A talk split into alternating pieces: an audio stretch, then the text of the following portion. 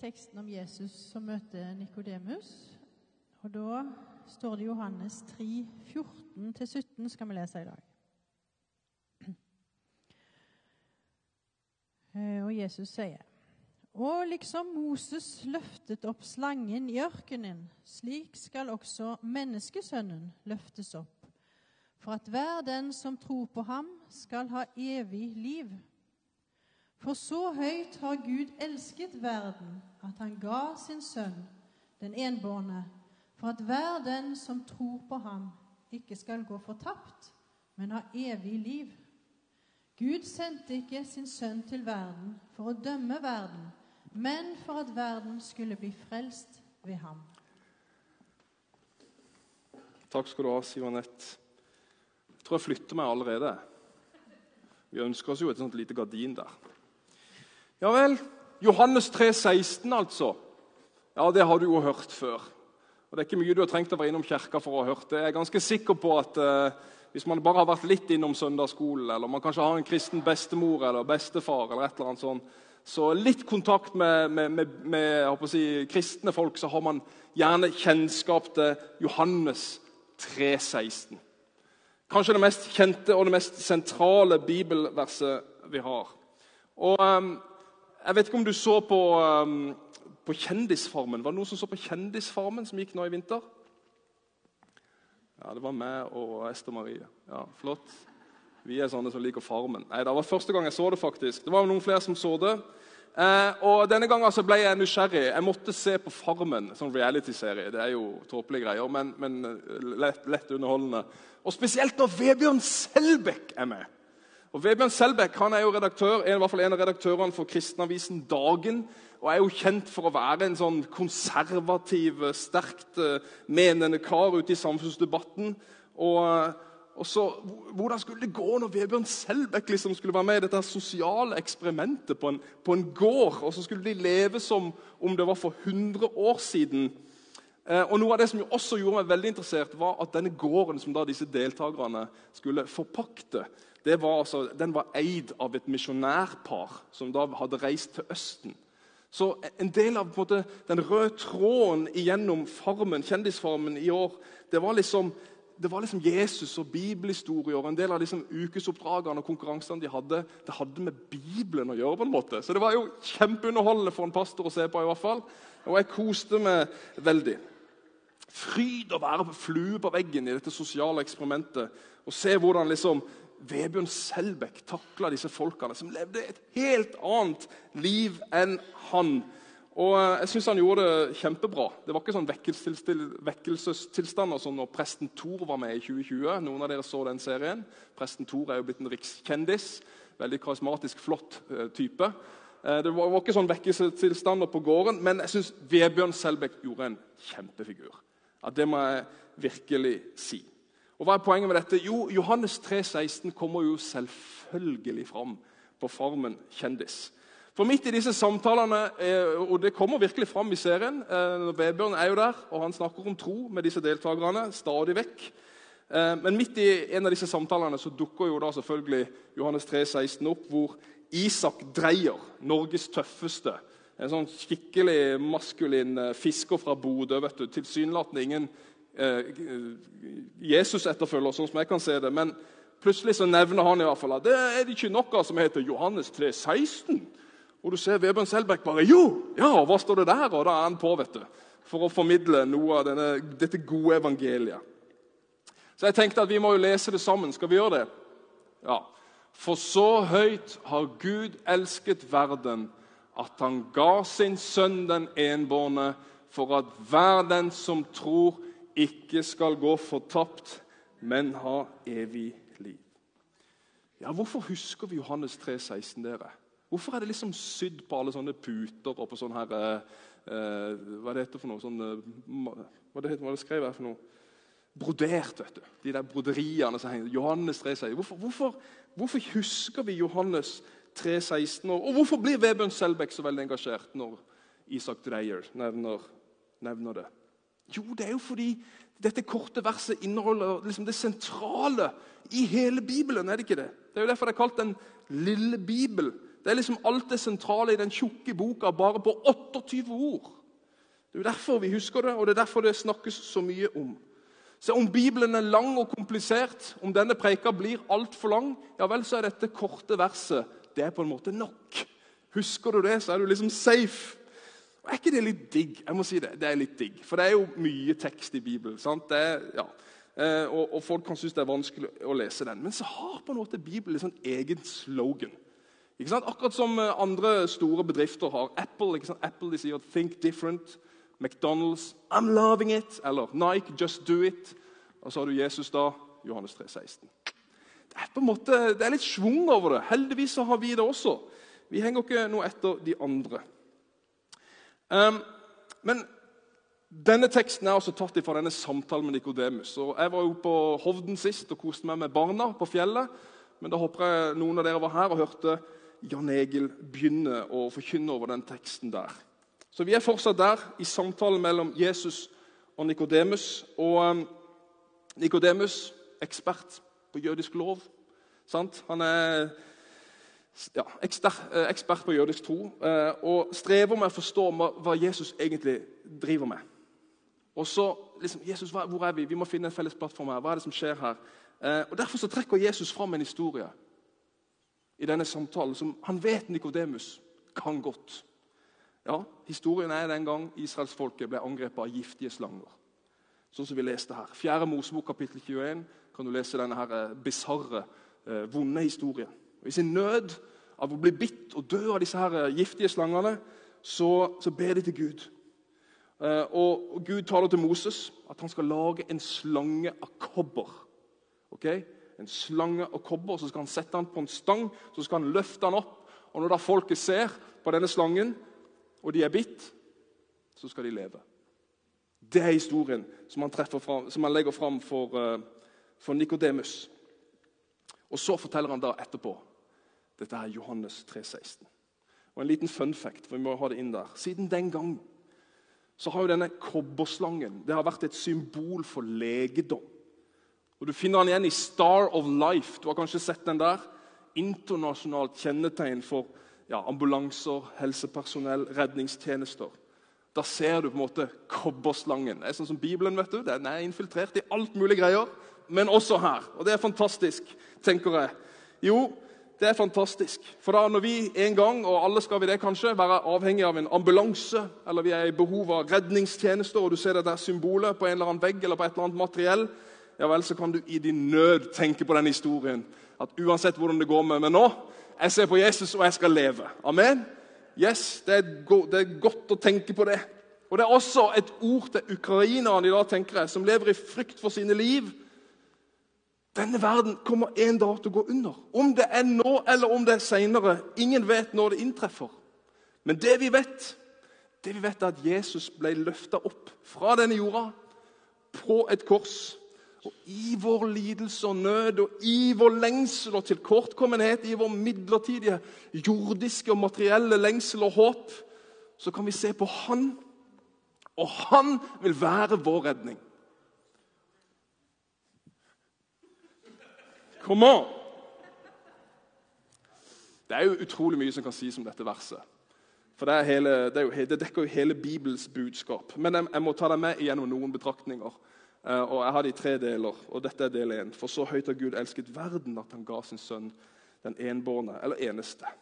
Hva var Guds motivasjon for å sende sin sønn? Hva var motivasjonen? Jon Birger sa det til meg. Han drømte om Johannes 3, 16 i dag. Jon Birger, han som var med meg og ba her. Var ikke... Hva var Guds motivasjon? Du sa det til meg. Kjærligheten. For så høyt har Gud elsket verden. Det står i vers 17, da, som det er det siste verset vi leste. Han sendte ikke sin sønn for å dømme verden, men for at verden skulle bli frelst ved ham. Så Gud sendte ikke sin sønn fordi han var sint, fordi han var harm eller vred eller fordi han skulle dømme verden.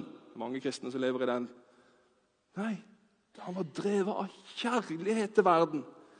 Kjærlighet til ethvert menneske, til sin skapning. Alle mennesker som er skapt i hans bilde. Det var hans dragning og motivasjon. Ethvert menneske, ukrenkelig verdi, elska av Gud. Tenk på det. Wow. Likevel så er det så mange av oss som sliter med å elske oss sjøl. Ja, det kan være tøft, det. Det kan være vanskelig. Vi føler oss, vi, vi føler oss ikke akseptert og elska av Gud, kanskje fordi vi, vi, får kanskje ikke til det kristne livet. Eller vi setter opp sånne høye standarder og forventninger til oss sjøl, så vi blir på en måte aldri elskelige nok. Nei, Gud kan ikke elske meg, for jeg, vi legger opp sånne høye standarder. Men på de dagene vi takler livet, og vi klarer å innfri kanskje Guds forventninger, andres forventninger, forventninger til meg sjøl, ikke minst, ja, da smiler livet. på en måte. Da klarer jeg det. Da er Gud god. Da har vi frimodighet til å si det. Men så fort vi faller under denne standarden, så blir livet mørkere. Og Gud ah, han er kanskje ikke så god, for jeg klarer ikke å leve opp til det. Forventningene. Men det er jo da vi skal huske på den lille Bibelen, som lærer oss at motivasjonen for frelse var at, at han kom til denne verden, og at han elska oss. Romerne 5,8 har vi det med oss? Yes. Men Gud viser sin kjærlighet til oss ved at Kristus døde for oss mens vi enda var elendige. Halleluja! Uhu, Haugesund! Ja, du, kan ikke, du kan ikke gjøre noe jeg har skrevet ned her. Du kan ikke gjøre noe for at Gud skal like deg bedre eller elske deg mer. Oi. Du kan heller ikke gjøre noe for at han skal elske deg mindre. Det er jo rart at vi må gjenta dette her i 2000 år i Guds eh, rike, men det er faktisk sant. Så god er han. Elsker deg akkurat som du er. Uansett hvor elendig du er. Han elsker oss. Amen. Og Hvor mange er det ikke ute i det norske samfunnet som tenker jeg kan aldri ha noe med Gud å gjøre? Fordi jeg vil aldri være god nok. Nei, det der klarer jeg aldri. Han vil aldri akseptere meg. Jeg vil aldri passe inn i en menighet. Jeg vil aldri takle disse religiøse tradisjonene. Hvor mange mennesker der ute har ikke vi avvist? Ah, det er forferdelig trist at det er så mange. Hvor mange ekskluderer vi ikke bare ved å tenke på at nei, de kommer nok aldri til å passe inn? Det er jo en tragedie. Men så er vi jo her i Misjonskirken. da, vet du i Skåredal vi har jo en visjon om at vi vil være åpent og inkluderende fellesskap. Hvorfor det? For så høyt har Gud elsket verden. Derfor! Det er derfor. Det vil vi skal være markert i oss også. Yes, Det skal drive oss. Så kan du kanskje tenke at jeg være en sånn, del av en sånn menighet. Det er jo ikke kjærlighet nok til det. De vil aldri klare. Nei, det er jo litt av poenget. For Gud er nok. Gud er mer enn nok. Du trenger ikke grave i de tomme lommene dine etter mer kjærlighet.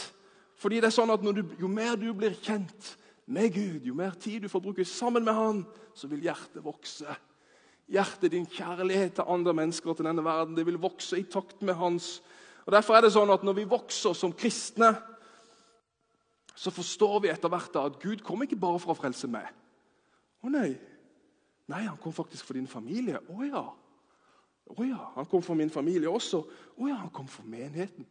Å ja, ja, Gud elsker jo alle i menigheten. Wow. Oi, han kom for naboene mine. Wow. Å, hjertet vokser. Oi, kom han for hele Haugesund? Uhu. Wow, for Haugalandet. Wow, for Norge. Wow, for Ukraina. Yes, for Russland. Og når hjertet ditt blir veldig stort for Putin.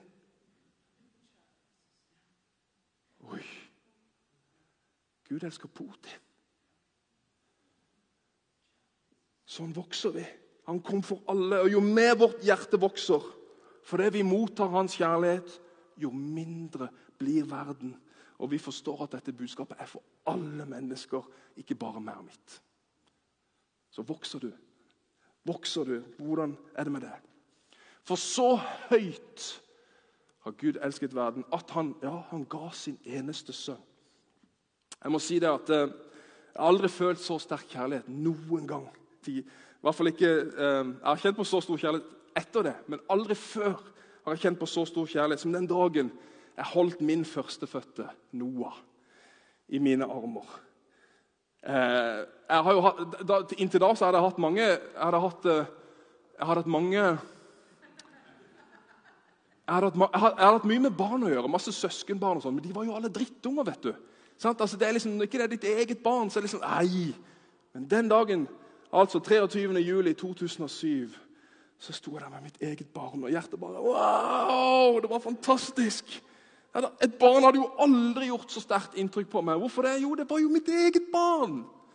Mitt førstefødte barn. Tenk at jeg var blitt far. Jeg husker jeg ringte til min søster. Ja, 'Jeg har fått en sønn.' Og så jeg begynte jeg å hylgrine. Oh, det var, det var berg-og-dal-bane. For så høyt har Gud elsket verden at han ga sin eneste sønn. Tenk å gi sin sønn. Det hadde vært helt umulig for meg. Det hadde vært helt umulig for de fleste av oss. Og det er jo poenget.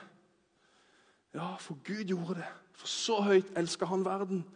Han elsker det. Han elsker meg. Han elsker naboen. Han elsker verden. Kanskje går du og tenker ja, for en elendig far. Sende sin sønn i døden. Ja, Her er det mye teologi vi ikke rekker innom. så vi må på en måte bare ja, Vi rekker ikke innom det. Men treenigheten. sant? Gud er én, men samtidig tre. Det kan forvirre. Men Gud er én. Så når han sender sin eneste sønn, så er det Gud som henger på korset. Gud henger på korset. Han viser oss hvem Gud er. Far gir seg sjøl til verden gjennom Sønnen. Se hva Paulus skriver. Det var Gud som i Kristus forsonte verden med seg selv, slik at han ikke tilregner dem deres misgjerninger. Altså, Det var Gud. Så hvordan er Gud? Er han en forferdelig far? Sender sin sønn i døden? Fysj. Hvordan er Gud? Han gjør jo så mye forferdelig i Det gamle testamentet. Fysj. Hvordan er Gud? Han sender jo folk til helvete. Ja, Hvordan er Gud? Jo, det er så mange fordømmende og kjipe kristne i denne verden. Hvordan er Gud? Da må vi se på korset. Da må vi se på korset. Det er det synlige beviset på hvem Gud er. At han er kjærlighet. Korset er derfor det mest sentrale i vår tro. Gud er ikke noen hevnsyk, dømmesyk, sint skikkelse som ønsker å kaste synder i helvete. Gud gikk jo gjennom et helvete for oss. Skjønner du?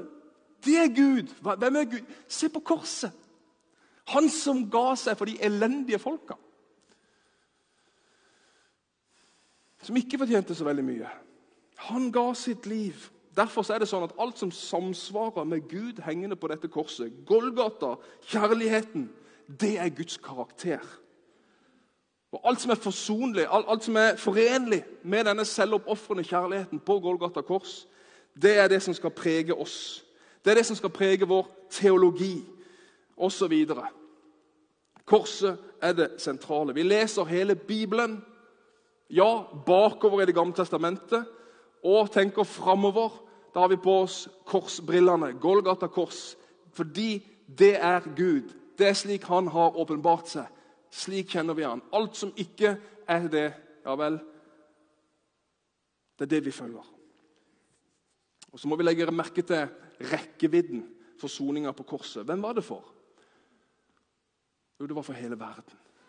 Hele verden. Johannes 3, 16 er som en sånn bamseklem rundt hele kloden. Ser du han der? Mm. Det er Johannes 3, 16. Hør på disse versene her. Åh, jeg elsker de. Altså, liksom en manns fall, altså Adam han peker tilbake, ble til fordømmelse for alle mennesker, så fører en manns rettferdige gjerning, altså Jesus, til frifinnelse og liv for alle.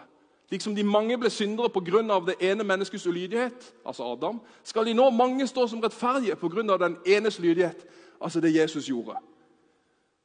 Fordi døden kom ved ett menneske, altså Adam, er også de dødes oppstandelse kommet ved ett menneske, Jesus. For liksom alle dør pga. Adam, skal alle få liv ved Kristus. Alle, hele verden. Ja vel, rekkevidden er ganske stor her. Du vet, Jesus soner ikke bare din og min synd eller alle kristnes synd. Han soner hele verdens synd. Hva? Ja, Alles synd er betalt for. Så det er sannheten. Alle du møter på jobb, alle du møter i ditt nabolag, om de er bekjennende kristne eller ikke, sannheten er at synden er betalt for. Mm. Ja mm. Jo. Har alle synd er betalt for. Men selv om sannheten er at alle er tilgitt, så er det ikke alle som vil innse at det er sant. Det er ikke alle som vil ta imot den gaven og sannheten, disse gode nyhetene. Derfor kan vi si at synden er ikke det som fører oss til fortapelsen, men det er mangelen på en relasjon til Jesus. Synden er jo bunn og grunn å leve som om Jesus ikke eksisterer, å leve som at han ikke er herre. Altså, Vi har et relasjonsproblem, ikke et synsproblem, for den er betalt for. Det er forskjell på det, og det er viktig for oss. For da trenger vi ikke lete etter feil i folks liv. Du er jo en synder. Du kan jo ikke være kristen. eller du burde jo, det der må du, du må, du, Hvorfor skal vi være opptatt av det? Det vi må være opptatt av, er jo alt det mennesker går glipp av. Så Når du ser naboen din som på, en på ingen måte er en kristen, så vet du at sannheten er at han er jo Synden er betalt for. Jesus døde jo for han. Så skal vi hjelpe han inn i en relasjon til Kristus. Og Da går vi ikke inn og sier ja, du er jo en elendig synder, og du bør omvende. Eller du kan si vet du, Jesus har betalt for alt sin. Du må komme inn i hans Lev med han, det er helt fantastisk. Det er litt forskjell på det. Det er litt forskjell på det. Det er derfor den ene menigheten i USA har skiltet over inngangsdøra 'No perfect people allowed'. Ingen får lov til å komme inn i den menigheten som tror de er perfekt. Nei! Men Jesus har betalt synden. Og Hvorfor det? Jo, for Guds hjerte er at alle mennesker skal bli frelst. Det er hans hjerte. Men vi må jo ta det imot. Vi må jo ta det imot. Det er jo det som er utfordringen. Relasjonsproblemet. Del to. For hver den som tror, skal ikke gå fortapt, men ha evig liv. I dette korte, men så enormt viktige verset så er det Gud som gir. Han gjør jo alt. Gud gir. Han gir alt, bortsett fra én ting. Ja, Vi må jo tro. Og hva er det å tro? Og Det er jo nettopp dette her Nikodemus har så problemer med. Han vet så utrolig mye om Gud. ikke sant? Disse her Fariserene og rådsherrene de kunne jo første, andre, tredje, fjerde, femte Mosebok utenat. De kunne Jesaja utenat. De liksom, det var smarte folk, altså. Og så, sier, og, så, og så, snakker eh, Jesus om å bli født på ny. Det snakker Jan Egil litt om sist. Og så, og så, forstår han ingenting. Og så sier Jesus til han, liksom, provoserer han litt. Du som vet så mye. Du, du er lærer for Israel, men, men, dette vet du ikke. Så, ja, så blir han irritert. Eh, men å vite og å tro er ikke nødvendigvis det samme. Jeg måtte google litt, da, og da får du sånn Oxford-ordbok på Google. Hva er å tro? Og da, og da, kommer det opp 'complete trust or confidence in someone or something'. Altså, tro handler altså om tillit. Det handler om å stole på med hele sin tyngde på noe. Det er om å ha visshet, sier Hebreerbrevet. Men når vi snakker om tro i dette verset, så handler det ikke bare om tro. At det er, liksom, det er intellektuelt å akseptere at jo, Gud fins. Han gjør sikkert det. Altså, um, La oss dra det litt langt, da. Men, men djevelen vet jo at Gud eksisterer. Eh, demonene vet at Jesus, på en måte, hvem han er. De, de kan også tro. Så ja, er de da kristne? Nei, de er nok ikke det, da. Tro er heller ikke det samme som håp. Altså, Vi kan tro at Liverpool vinner FA-cupen. Men det er jo egentlig ikke det du snakker om. Du, du håper at Liverpool skal eh, vinne. Å håpe det er ikke det samme som tro. Nei, det kalles meg Liverpool-fans. Jeg hører folk reagerer. Men slapp av. Vi kan håpe de taper, eller vi kan håpe de vinner. Bibelen sier i hvert fall at tro uten handling er en død tro. Begynner det å bli utfordrende? Ja, ok. Så hvordan ser egentlig tro ut? Jo, la oss tenke litt. Altså, Hvilke beslutninger har du eller din familie tatt eller gjort som dere ellers ikke ville gjort hvis ikke det var for Jesus? Hvilke beslutninger, hvilke handlinger har du gjort fordi du tror på Gud, som du ellers ikke ville gjort. Eh, hvilke av Guds løfter, f.eks. Bibelen er jo full av løfter. Hvilke, hvilke, av Guds løfter har ført deg til å ta valg i livet som du ellers ikke ville tatt hvis ikke du trodde på de løftene? Skjønner du? Her ser vi tro i handlinger. Hvilke, hvilke økonomiske valg har du tatt fordi du tror på Jesus, som du ellers ikke ville tatt hvis ikke du trodde på han? Skjønner du? Ja, det, det, det er ikke handlingene i seg sjøl som er tro, men det er handlingene viser at troen er virksom. Ok, Vi må ha et, vi må ha et lite eksempel her. Uh, ingen av dere husker jo han, fordi så gamle er vi ikke. Men, men uh, Charles Blondin han uh, var fantastisk linedanser. Opererte jo på 1800-tallet. og tiltrakk seg jo enorme mengder med folk når han dansa på dette greiene og gjorde masse forskjellig. Blant annet så gikk han jo over Niagara Falls. Det var i 1859. gikk han over Niagara Falls, og Folk samla seg rundt. og det er jo spennende, tenk Hvis han falt ned, da fikk du virkelig se dramatiske ting. For Han hadde ikke noe sikkerhet. eller noen ting, Det var rett over. Men så lykkes han i, i, eh, i 1859. og da, Det første han sier når han kommer over, at dette skal jeg gjøre igjen. Og neste gang da skal jeg gå med noen på ei trillebår over. Hui, ja vel. Og dagen kom, han skulle gå med, med trillebår over med en person oppi. Eh, og samme dagen på en bar i området Dette er visst sant, altså. Samme dagen som det skal skje, på en bar i området så sitter det to karer og krangler høylytt om, om, om de har tro på han her eller ikke. Og Han ene var helt sikker på at trillebåren kommer til å velte og denne mannen kommer til å falle ut. Og Han andre han var sikker på han ville klare det, for han hadde sett så enormt mye galskap han hadde gjort på denne lina. Så, så, han hadde virkelig tro på at Charles skulle klare det. Og Hele baren hører dette. Og I samme øyeblikk så reiser det Charles Blondin seg opp. Han var tilfeldigvis på denne baren. Og Så sier han jeg er så glad for at du har tro på meg, for jeg trenger en til å sitte i trillebåra.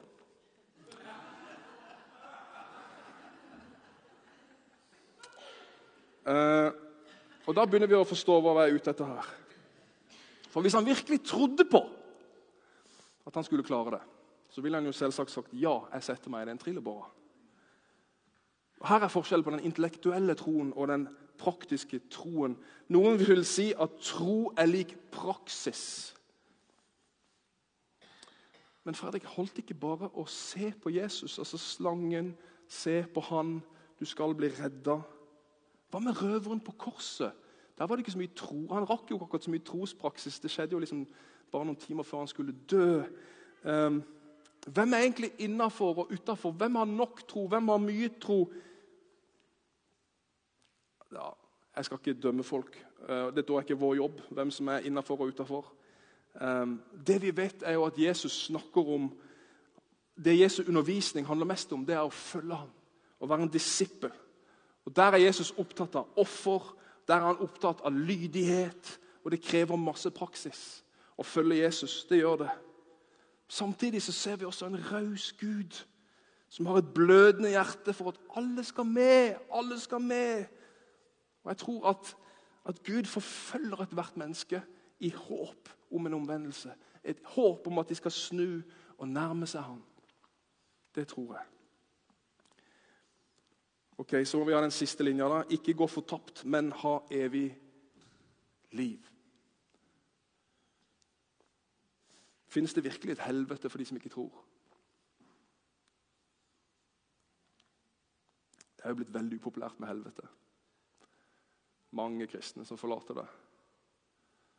Fordi vi klarer ikke å se hvordan en god Gud kan, kan, ha noe med et helvete å gjøre. Hvordan kan han la mennesker komme til helvete? Og Du er sikkert kjempespent nå på hva pastoren din egentlig mener. Fins det et helvete? Um, utfordringen altså jeg, jeg, jeg, håper jo ikke at helvete fins, på en måte. Det er jo forferdelig. Hvorfor, nei, hvorfor må vi gå fortapt, Gud? Liksom, Kom an! Kan du ikke bare ja. Hjertet mitt er jo sånn. Men utfordringen er jo at Jesus snakker jo masse om helvete. Mer enn det vi liker. Uh, og han advarer virkelig mot det. At, det er, at ikke det er bra. Det er forferdelig med helvete. Han sier bl.a. i Matteus 5.: Om din høyre hånd lokker deg til synd, så hogg den av og kast den fra deg. For det er bedre for deg å miste et av dine lemmer enn at hele kroppen din kommer til helvete. Han kunne få sagt det noen ganger, han der. Det er rimelig heftig. Går ikke an å si det sterkere. Um, jeg kan ikke avslutte denne prekena med, med, en lang utgreiing om helvete. Jeg er ingen ekspert på helvete heller, men det fins fire til fem teorier. Smarte teologer leser ut fire til fem forskjellige måter å forstå dette på. Og Den tradisjonelle, som vi kanskje frykter mest, det er jo at det er et konkret sted skal, som et torturkammer, hvor vi skal lide til evig tid. Um, så det, det, er på en måte, det er fra, det er fra den siden til at det ikke fins et helvete. Det er på en måte eh, det spennet der. Um, det er noe som heter annihilasjonismen. Det er ikke så viktig, det ordet. Men det er en forståelse at helvete er at man går fortapt, sånn som det står i vår tekst i dag. Og det er det jeg tror. At du går fortapt. At du dør. At du slutter å eksistere. Det er min tro på hva dette helvete er. Og Du får tolke det sånn som du vil, men jeg tror at eh, livet har to utveier. Uansett hva det måtte være, så tror jeg på fortapelsen, at vi går til grunne. Og jeg tror at det skal være en dom til slutt. Og det tenker jeg er veldig fair av Gud at det er en dom til slutt. For det viser hvor viktig dette livet er. Dette livet er dyrebart. Og de valg og måten vi velger å leve det på, det tenker jeg det er et alvor som Gud gir. Han gir oss en gave. Det er dette livet. Og En dag så er det en dom. tenker jeg, ja. Han virkelig eh, verdsetter meg som menneske og de valg jeg tar. og Det setter jeg pris på. Men det som er enda bedre enn dette livet vi lever nå, det er jo det evige livet. Og hva er det evige livet? Jeg, no, mange ganger så syns jeg det smaker litt sånn dårlig. Evig liv. Jeg vet ikke om jeg har lyst på evig liv. Skal vi sitte på en rosa sky? Liksom, hva søren skal vi gjøre i himmelen? Liksom, jeg ser for meg sånn lyseblått og pastellfarger som ikke jeg liker. Eh, får jeg fisk i himmelen? Hvis jeg ikke får fisk i himmelen, så vil jeg ikke være der. Det er sånn, hva er det evige liv? Dette er det evige liv. Det fikk jeg selvfølgelig ikke med teksten. Det, Johannes 17. Og dette er det evige liv, at de kjenner deg, den eneste sanne Gud, og Han du har utsendt, Jesus Kristus.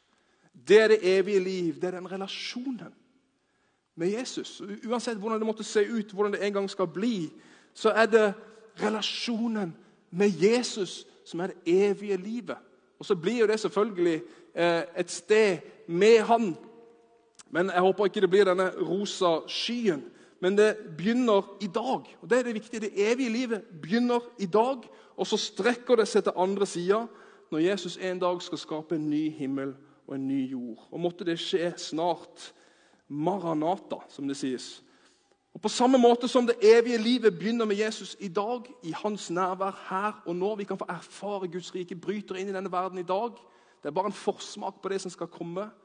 Og På samme måte så er jo helvete like mye en del av verden vår i dag. Se på Ukraina. Ondskapen er jo enorm. Men Det er jo derfor dette verset Johannes 3, 16, er så enormt viktig. For Gud sender ingen mennesker til helvete.